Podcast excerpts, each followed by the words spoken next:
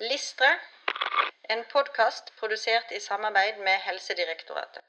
Alm 021 selvstendig kunne tilegne seg evidensbasert kunnskap og fortolke den kritisk i relasjon til allmennmedisinsk hverdag og kunne benytte kunnskapen i faglige beslutninger og i veiledning av pasienter og kolleger. Du verden.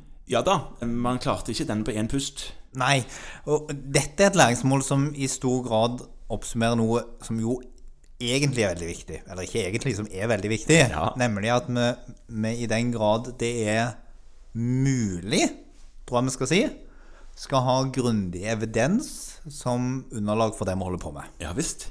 Så kan vi jo med en gang skyte inn at det er ganske store deler av det allmennmedisinske spekteret som det nok ikke foreligger gode, randomiserte, kontrollerte studier på. Nei. Nei, og heller ikke gode kvalitative studier. Nei, og selv der det foreligger, så er, jo, er det jo alltid sånn at studier er grupper.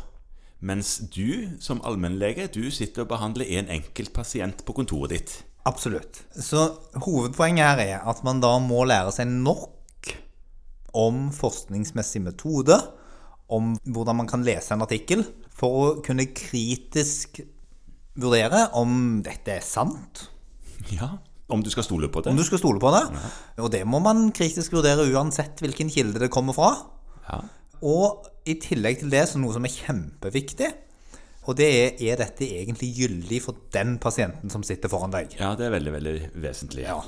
Fordi selv om en eller annen har gjort en kjempefin, helt riktig, presis, vidunderlig studie og viser kjempegode resultater, så hjelper jo ikke det hvis det egentlig ikke angår den pasienten du har foran deg. Nei da, det er Nei. helt sant. Hvis den f.eks. har blitt ekskludert fra det materialet pga. en eller annen komorbiditet, eller Ja. alder, eller kjønn, eller hva som helst. Så du må lære en del om forskningsmetoder Ja. og om artikkelskriving, og det lærer man på grunnkurs. Det gjør man. Og så er det vel òg sånn at eh, selv om man bør kunne litt av de tingene vi nå har snakket om, så er det veldig mange gode tjenester som gjør en del av den sorteringsjobben for deg. Som gjør at du slipper å lese originallitteratur så veldig mye. Nå tenker du på sånne elektroniske hjelpemidler som Norsk elektronisk legehåndbok og Up to Date og Den typen ting er det jeg tenker DM på. Job Best Practice og Ja, lignende. og, og, og, og ja, den typen ting, ja. Ja. Hvor en kan, iallfall bør, eh, stole på at de som har gjort uttrekkene til datagrunnlaget der, har gjort den sorteringsjobben grundig. Ja, I tillegg så må man jo slå et slag for eh, nasjonale retningslinjer, i den grad de er noenlunde oppdatert. Ja. For der er det også noen som har og gjort den jobben. Men selv der så må man da kritisk vurdere de pasientene man har, opp imot dette. Ja, og så er det et annet viktig poeng her, og det er å veilede pasienter. Ja, At, at det, du kan bruke forskning og kunnskap basert på forskning i å veilede pasientene til å ta kloke valg. ja.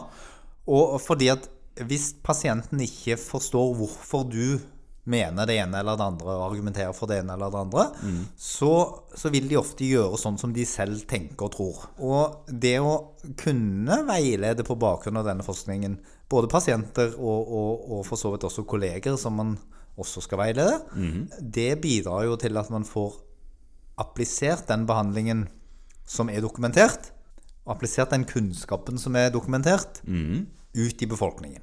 Ja, Slik at det man her skal kunne, er å vite nok om hvordan evidens lages og fremstilles, til at man skal kunne praktisk anvende det i sin kliniske virksomhet, Ja. i møte med pasientene, Ja. både for sin egen del og for å forklare pasienten hvorfor det er lurt å ta den og den medisinen, eller ikke ta den og den medisinen. Og dette handler jo i bunn og grunn av noe vi har pratet om allerede, som handler om dette forsvarlighetskravet som ligger eh, knytta til vår handling som leger. Ja.